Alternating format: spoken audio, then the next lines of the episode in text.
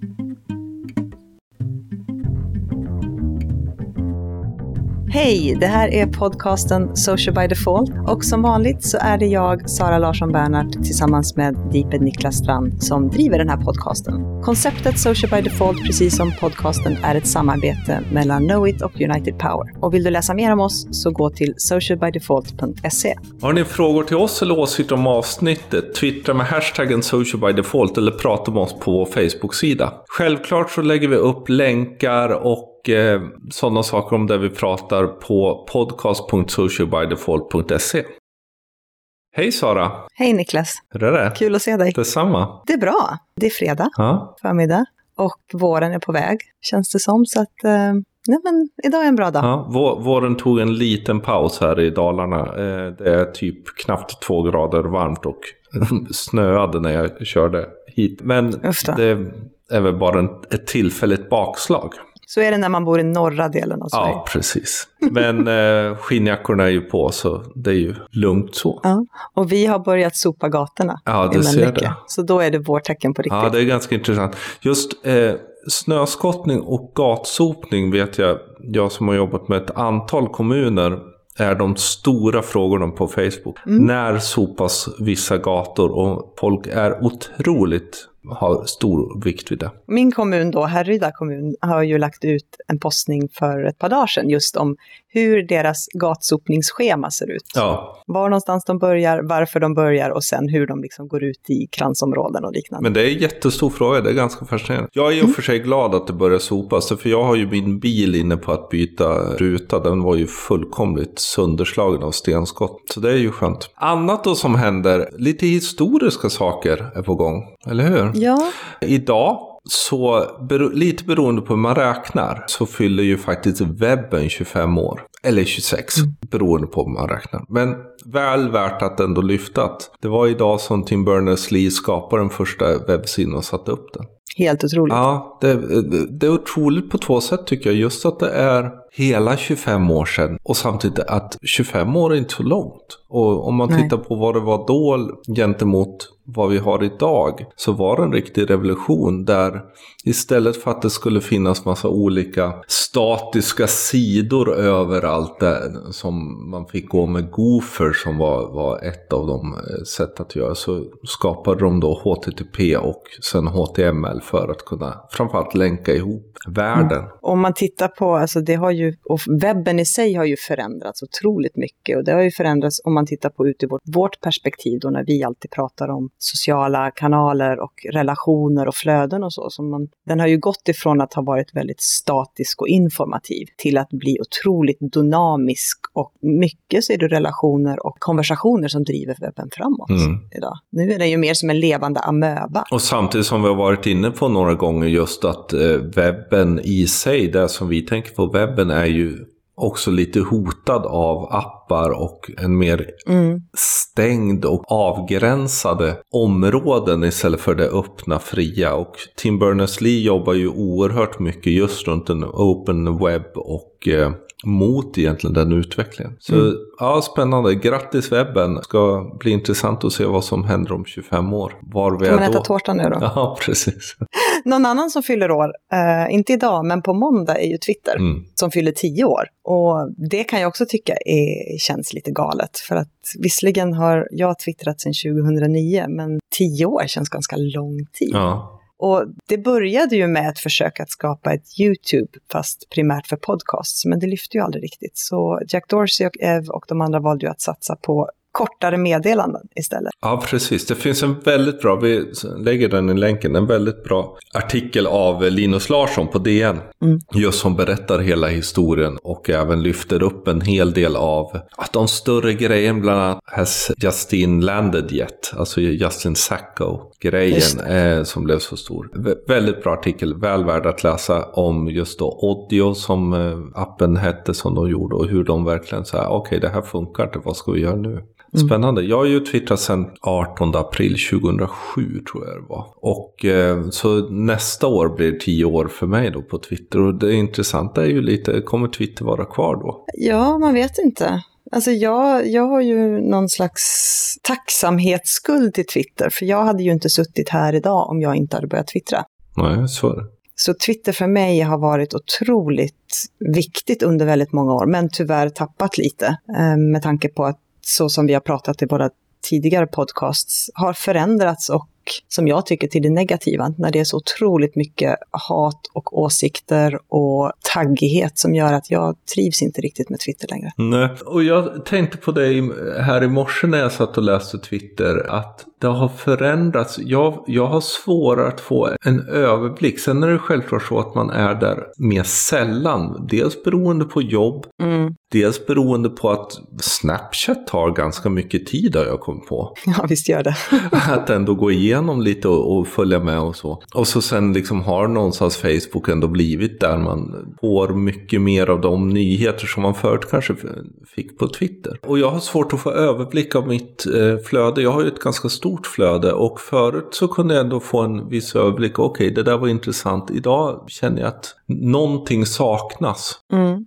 Men så, så är det ju och även om Twitter faktiskt idag har då sedan några månader tillbaka har implementerat sin algoritm som gör att du ska få en överblick, eller de försöker ge dig en bättre överblick utav de konton som du faktiskt interagerar mycket med eller det som du har visat intresse i, som då lyfts i det här While You Were Away, som de hela tiden håller på att utveckla nu, mm. så tycker jag också att det är svårt. Men sen har jag också insett att det som jag saknar med Twitter var ju att för mig var Twitter väldigt mycket underhållning förut. Mm. Det var mycket dialog, det var väldigt roliga saker som hände, man hade kul. Och det har försvunnit och där har Snapchat faktiskt tagit en väldigt stor plats. För för mig är Snapchat väldigt mycket underhållning mycket mindre dialog, men mycket underhållning och mycket mer äkta. Mm. Ja, men och det mer personliga, det vardagliga.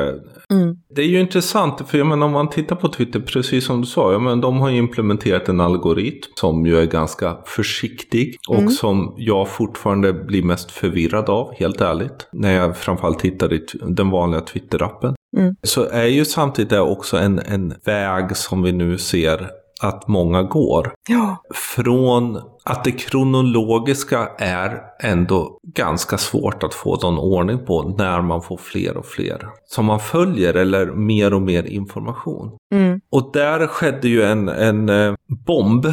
Ja, förväntad bomb kanske. För oss är det ju liksom, vad var det vi har sagt, helt enkelt Instagram mm. håller på att testa en algoritm för hela sitt, sitt flöde och helt enkelt kommer, kommer också bryta upp det kronologiska, eh, den kronologiska delen. Och många är väldigt upprörda. Ja, alltså alla förändringar gör ju att folk får en anledning till att rasa. Mm. Och framförallt tror jag förändringar där man någonstans återigen inser att man egentligen inte har någon, någon makt över de här nätverken, utan man får helt enkelt finna sig i när de gör ändringar så, så blir det så. Varför algoritmer? Vad är det som är det positiva med det? Alltså, någonstans, jag menar nu fyllde Twitter tio år, Facebook har funnits jättelänge, Instagram har funnits extremt länge, det har kommit nya kanaler och vi blir ju bättre och bättre på att bjuda in fler och fler konton i våra flöden. Och det innebär ju att kronologin tappar ju någonstans sitt värde, för du kan ju inte vara lika intresserad av allting. Nej. Utan du har ju dina konton eller dina vänner eller företag eller vad det nu är som faktiskt ger dig ett större värde och ett större intresse. Och det är ju hela tiden det som de vill försöka ge dig. Eftersom det kommer fler flöden som också pockar på vår uppmärksamhet, så vill ju de försäkra sig om att det du ser är det du är intresserad av, mm. mer eller mindre. Ja, och självklart är det så att de är intresserade av att sälja in reklamplatser och, och tittar man på framförallt Facebook som då också driver då reklamen runt Instagram eftersom de äger det så är det ju självklart så att det är ju mer intressant att få tag på människor människors intresse än att bara vara en del av kronologin. Mm. Men ja, jag, jag, tycker det är, det är märkligt att än en gång så blir man så för, förbannad på när man försöker förändra någonting i i, i sociala medier. Samtidigt så visar det också hur otroligt viktiga de är i vår vardag. Ja, för vi är ju egentligen mer eller mindre omedvetet beroende utav algoritmerna. Mm. Jag menar, tittar man bara, Google var ju en av de första som faktiskt skapade algoritmer som, som funkade och gav dig de sökresultat som du var mer intresserad av. Jag tror inte att vi skulle vilja söka utan att få det filtrerade. För det skulle vara alldeles för mycket information som vi skulle behöva sålla bort för mm. att hitta det som vi faktiskt är intresserade av. Alltså allt är ju en jakt på relevans. Mm. Väldigt mycket. Och inte så mycket en jakt på vad som är senast senast eller vem som så att säga publicerar nyss. Utan allting bygger på ett antal olika parametrar. Och det är ju samma sak med Facebooks algoritm. Där EdgeRank då faktiskt ganska tidigt kom till. Den förändrades eller blev en annan. Började mm. använda då ett mer komplext system. Där man använde både maskininlärning och eh, även så att säga ett, en mängd med parametrar. Så idag är det ju, även om vi brukar ta en fem parametrar. Man ändå kan se att de är ganska viktiga och de är ju, bygger ju delvis på gamla edge så är det ju otroligt mm. svårt att veta hur, vilka faktorer som faktiskt styr vad vi ser i Facebook. Framförallt när vi också ser att de hela tiden skruvar på dem mer eller mindre. För att mm. här har vi ju upptäckt många gånger att visserligen finns det ett antal parametrar som viktar kanske högre hur de här eh, algoritmen slår. Men så fort det är företag eller så fort det är mediehus eller liknande som hittar sätt att gå runt de här, så märker vi att ja, men då skruvar vi på den igen och så får vi tänka om. Jag har ju diskuterat en del med de som tycker det här med kronologin är så viktigt och det är så bra och sådär. Det som man kommer råka ut för är ju helt enkelt att har man en ren ofiltrerad kronologi så är det klart att för vissa företag kommer lära sig det och helt enkelt spamma så otroligt mycket mm. att det blir meningslöst. Alltså många kör ju den brända jordens taktik. Och de här gör ju också att oavsett vilket flöde vi pratar om där algoritmer finns implementerade så gör det ju att företagen tvingas steppa upp sin kommunikation oerhört mycket. Man har liksom inte råd i att fastna i den här digitala anslagstavlan. Nej. Och det om något är ju jättepositivt. Mm. Annars så kommer ju vi se en massa flöden som, som får de här splasharna och inifrån och uttänken och där man helt enkelt, precis som du säger, spammar ihjäl sina följare. Mm. Och det tror jag inte någon är intresserad av. Nej, jag har, tror egentligen inte det. Utan jag, jag funderade ganska mycket vad det är. För jag menar, algoritmer är ju helt enkelt ett, ett urval. Mm. Ett urval som, som bygger på ett antal parametrar. Och jag vet att vi pratade om det här häromdagen. Jag tyckte du hade en otroligt bra jämförelse om man tittar på våra mobiler. Mm. Alla de appar som vi faktiskt har laddat ner i våra mobiler, där vi väljer ut vilka appar som ska ligga på första sidan utifrån vilka appar det är vi använder främst. Jag kan ha väldigt svårt att tänka mig att det är någon som har sin Facebook-app eller sin Instagram-app eller någonting, liksom tre, fyra nivåer bort. Och visserligen är det vi som har valt det här, men skulle telefonen i sig utgå ifrån de appar vi använder mest och sen sortera dem, mm. precis som algoritmerna mm. gör, så hade apparna hamnat på första mm. sidan. Mm. Apple har ju en sån funktion, om, om man drar ner så ser man vilka pratar man mest med och vilka appar använder man mest. Så kan man, har man mm. liksom fyra appar och fyra personer som helt enkelt känner av vad man använder mest. Så, så allt är ett urval. Jag tyckte du, när vi pratade här innan så var du också inne på just det här med kronologin. Att ja, men det, mm. egentligen så spelar ju det ingen roll. Nej, för jag menar många av oss har beteenden att vi, vi sitter ju inte och har de här flödena löpande uppe hela tiden, utan vi har ju våra micromoments där vi går in och tittar. Eh, jag vet väldigt många vänner till mig, de, de tittar enbart på kvällarna. Mm. Och då spelar ju kronologin inte speciellt stor roll. Det finns också de som lägger upp saker som har hänt under dagen på kvällen. Mm. Och då spelar ju inte heller kronologin någon, någon, roll. Så att jag tror att man är upprörd utan att egentligen förstå vad utfallet kommer bli sen. Mm. För jag menar, LinkedIn har också en algoritm, det vet vi. Vi mm. vet inte riktigt hur den funkar, men vi vet att den är ganska hård. Mm. Pinterest har en algoritm som delvis liknar den som Instagram då utvecklar. Att helt enkelt visar dig bilder som du borde vara intresserad av. Och YouTube har ju en algoritm runt sina rekommenderade filmer som självklart styr, styr på vad man tittar väldigt mycket om, men också är man inloggad så styr det ju på resten av Google-kontot. Det, det märks väldigt väl. Men tillbaka då till den för, förväntade bomben som skedde i, i tisdags, Instagrams algoritm. Och då kan man ju fråga sig, ganska självklart då, men varför gör de det här? För det första har man ju då sett att vi missar ungefär 70 procent utav de bilder vars konton vi följer på Instagram. med tanke på att vi har bjudit in fler och fler flöden. Och då tycker ju Instagram att de 30 procenten av bilderna vi faktiskt ser ska vara de mest relevanta för oss. Här är det ju lite olika perspektiv, för jag menar, det är bara att titta på ens egen flöde. Vi har ju inte bara konton från vänner boende i samma tidszon. Nej. Utan vi har ju influenser, vi följer artister, vi följer kändisar som bor på andra sidan jordklotet. Och det innebär ju att bara för att vi går och lägger oss 23 i Sverige och de postar sina bilder när vi har natt, så ska ju inte jag missa dem. Alltså, det här är ju en av de stora anledningarna till att de väljer att införa den här algoritmen. Just för att vi ska bli tidszonsoberoende och för att vi då, de de bilder vi faktiskt ser ska vara av intresse för oss. Mm. Då får man ju titta på det här med algoritmerna utifrån två perspektiv. Nu brukar ju vi alltid titta på det utifrån ett företagarperspektiv. Om vi funderar på vad innebär det för mig som användare? Det innebär att jag behöver ju förändra mitt beteende. Alltså vill jag vara säker på att jag ska fortsätta se bilder från konton jag vanligtvis kanske bara scrollar förbi, då behöver jag se till att jag likar eller att jag kommenterar eller att jag på någon, något sätt visar den här algoritmen att jag är intresserad av det här.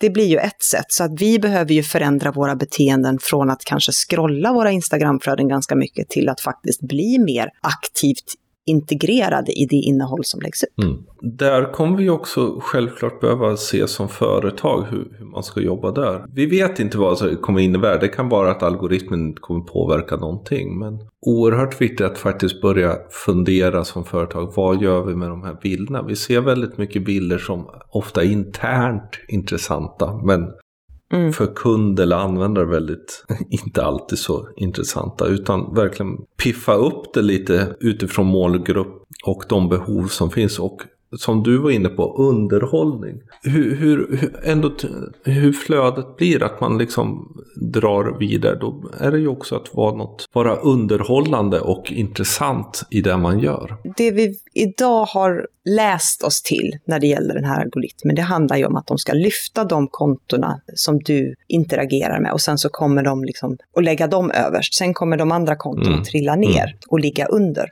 Och så får vi ju scrolla, men vi kan ju inte scrolla Infinite längre, utan de har ju satt en spärr. Mm. Vilket innebär att där behöver företagen då se till att man faktiskt hamnar i de här 30 procenten eller mm. någonstans ligger och tangerar det. Det vi har märkt, tycker jag, när vi har varit ute och träffat många företag och framför allt när vi gör våra audits och analyserar innehållet i deras kanaler, det är att Instagram har blivit någonting sådär att ja, vi öppnar upp och så lägger vi lite bilder. Mm. Fast man har inte riktigt satt strategin för vad vill man med sitt Instagramkonto? Precis det du var inne på. Handlar det om att bygga varumärke? Handlar det om att informera om produkter? Bygger vi vårt arbetsgivarvarumärke? Ska vi stärka vår interna stolthet på företag? Jag menar, alla dessa, bara dessa fyra olika teman kräver ju olika typer av bilder. Väldigt intressant. Och, och, jag tror Instagram har, är svårt för många företag. Dels för att du inte mm. har den vanliga trafikdrivande delen. Du behöver verkligen tänka content där. Mm. Och sen helt enkelt att tänka visuell marknadsföring. Alltså vi är så otroligt textbaserade i när det gäller marknadsföring. Så att, att förstå att en bild behöver bära en historia det är svårt att ta sig åt, men det måste man. Alltså, det för en av de stora trender så, som vi ändå ser är nu visuell marknadsföring på, på mm. bred front. Det är inte liksom bara lite att ja, jo, men bilder har vi alltid använt. Nej, ja, men bilder behöver nu vara det som först och främst skapar upplevelsen och intresset. Och sen mm. får, vi, får orden vara där någonstans komplementet eller fördjupningen. Mm. Eh, och det ser man ju bara om vi går tillbaka och tittar på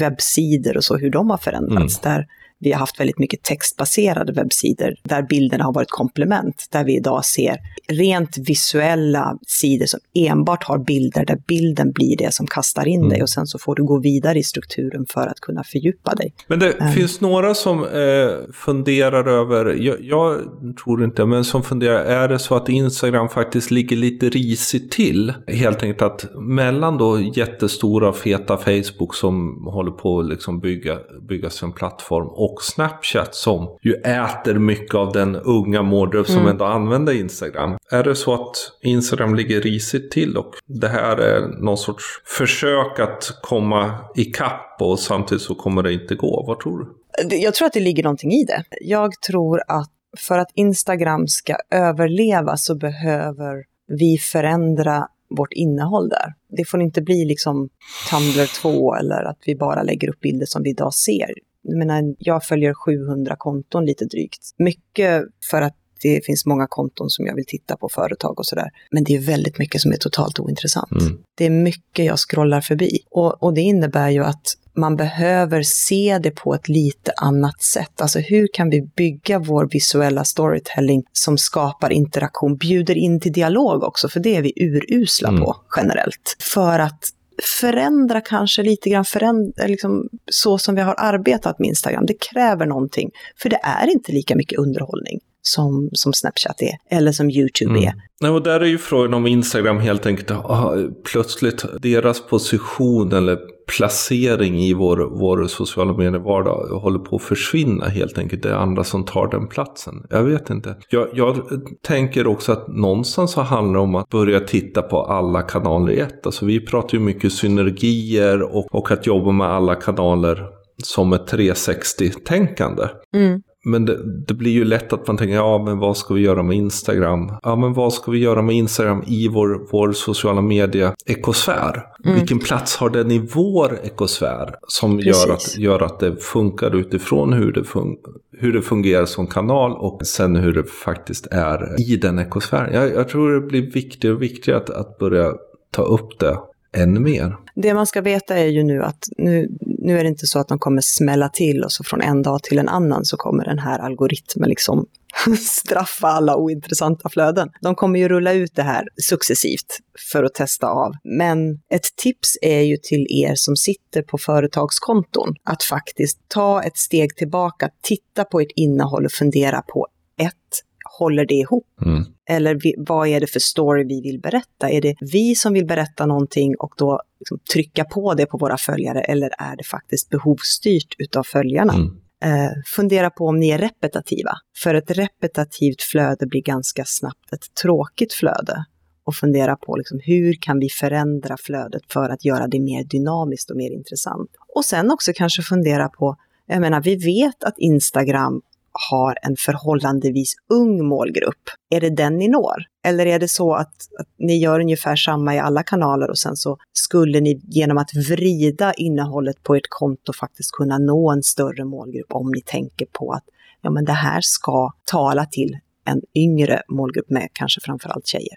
Det är spännande eh, framtid. Jag, jag funderade faktiskt eh, idag då när, när jag satt och tittade igenom flödena. Vad eh, Snapchat då? När det gäller algoritmer. Mm. Ja, jag insåg att jag skulle vilja ha en algoritm i Snapchat. Eller snarare åtminstone möjligheten att, så att säga, eh, men det är ju några man vill titta på. Ja, men som, mm. jag, vill, jag vill kolla vad, vad har hänt. Vad har du snappat? Liksom några kompisar man har. Sen har man några företag som man vet är jättespännande som man gärna vill följa varje dag. Och så är det några företag som man tycker de är sällan jättespännande. Utan de vill jag ta när jag har tid. Och så är det några människor man kanske följer trots att de inte är så roliga. Eh, som, som blir liksom så här, ja, ah, men jag måste ta mig igenom. Så, så där är, det, är intressant utifrån kronologin som jag också tänkt med Snapchat är ju att Ja, du får upp de nya snapsen. Det är ju så att säga det senaste som kommer upp under nya, nya snaps. Samtidigt när du mm. klickar mm. där så, får, så börjar du från början. Så om du har kört den, om jag inte har varit inne på ett dygn så får jag ju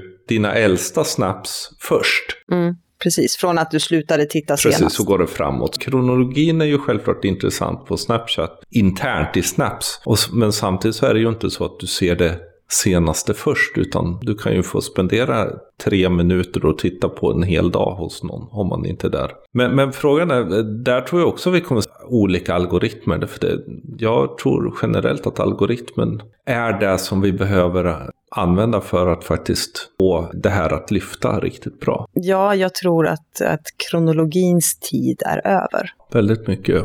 Och människor som är arga och, och irriterade får kanske fundera över om det är så att det är någon sorts generell rädsla för att inte ha kontrollen över sina flöden. Men det har man mm. egentligen aldrig kunna ta fullt ut.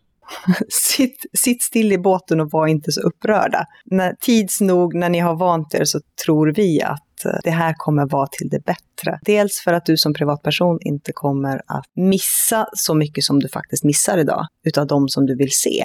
Men framför allt för att utifrån ett företagsperspektiv tvingas du till att ta en rejäl funderare på hur ser mitt innehåll ut?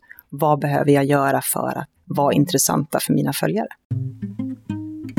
Och från algoritmer och Instagram till eh, veckans tips. Och jag vill tipsa, och det här är inte heller någonting som är sådär stekande, superhett och alldeles nytt, men jag vill tipsa om Kit för er som inte har hört talas om det. Kit är alltså ett mediebolag som har förändrat sitt sätt att distribuera nyheter då i och med att vi är en tid där mobil och sociala mediekonsumtion är normen. Och det här är startat av Peder Bonnier Robert Brännström och Fredrik Strömberg. Och det som är så spännande med Kit, förutom att de gör otroligt bra innehåll, det är ju liksom huvudregel nummer ett. Det är att surfar du in på kit.se så är det ingen direkt startsida, utan du blir mest förvirrad. Utan de har helt enkelt insett att deras viktigaste distributionskanaler är Facebook och Twitter och andra sociala flöden. Vilket gör att vi nås av nyheten och så, så tar vi oss till sidan eller så konsumerar vi nyheten i direkt i det på den plattform vi är. Eh, så man behöver helt enkelt ingen startsida. Nej, det är jättekul. De vann ju en massa priser på, på de här tidskriftsdagar och hej och hå. Mm. Så det är jättekul. finns en intervju med Peder Bonnier på eh, digitala medier-podden också som vi kan lägga in. Mm. Det tycker jag. Så följ dem på Facebook och Twitter för er som både Facebookar och Twittrar. Ja, precis. det... De har ännu inte anv börjat använda Snapchat, vad jag vet i alla fall. Nej. Shoutout till Kit, börja ja. använda Snapchat. Jag skulle vilja se Fredrik Strömberg på, på Snapchat. Några som däremot gör det som Kit gör, men ännu mer, är ju mitt tips som då, vi kör mycket nyhetstips den här, det är Now This News. De ska man också titta på, framför allt titta på hur de jobbar med de riktigt snabba kanalen. Om Kit fortfarande har ett kit.se så Now News har inte någon egen hemsida. Utan de jobbar fullkomligt med distributed media på då sociala medier och är nu de nya i Snapchat Discover. Det de satsar på är ju väldigt, väldigt mycket alltså bite-sized formatet. Väldigt korta nyheter av avgränsade, snabba, gjorda verkligen för millennials behov av att väldigt snabbt få lite underhållande men samtidigt veta någonting. Mm. Och sen att de då jobbar med content marketing, så helt enkelt native advertising in i sitt eget content. Väldigt spännande. Helt klart inspirerat bland annat Peter Nyheter på Snapchat i sitt, säga, sitt sätt att göra. Sådär. Precis, man märker att det är många, många nyhetskanaler ja. som tittar på dem och har dem som förebilder. Och det var det vi hade den här veckan. Tack för att ni har velat lyssna. Återigen tack för att ni är så många som lyssnar. Vi lägger in, precis som ni är vana vid, länkar både om ämnen och eh, show notes och liknande på podcast.socialbydefault.se. Precis, och glöm inte att prenumerera på vår podcast. Vi kör varje vecka fra, fra, framåt. Uh, och uh, då missar ni inte att den kommer. Och gillar, ge, den, ge oss jättegärna betyg på iTunes. Vi, vi gillar att ligga på, en, på li, eh, några listor där. Eh, och som tidigare sagt, Tyck till, kom med idéer med hashtaggen social by default. Eh, vill ni nå oss på Twitter och Instagram så heter jag att Deeped och Sara heter att Sanasi. Mm. Så tills nästa vecka som då blir en eh, påskspecial eller annandag påsk. Vi får se när den kommer ja, ut, men någonstans där. Eh, så får ni ha det så bra och njut av vårsolen när den tittar fram. Ha det gott, hej då!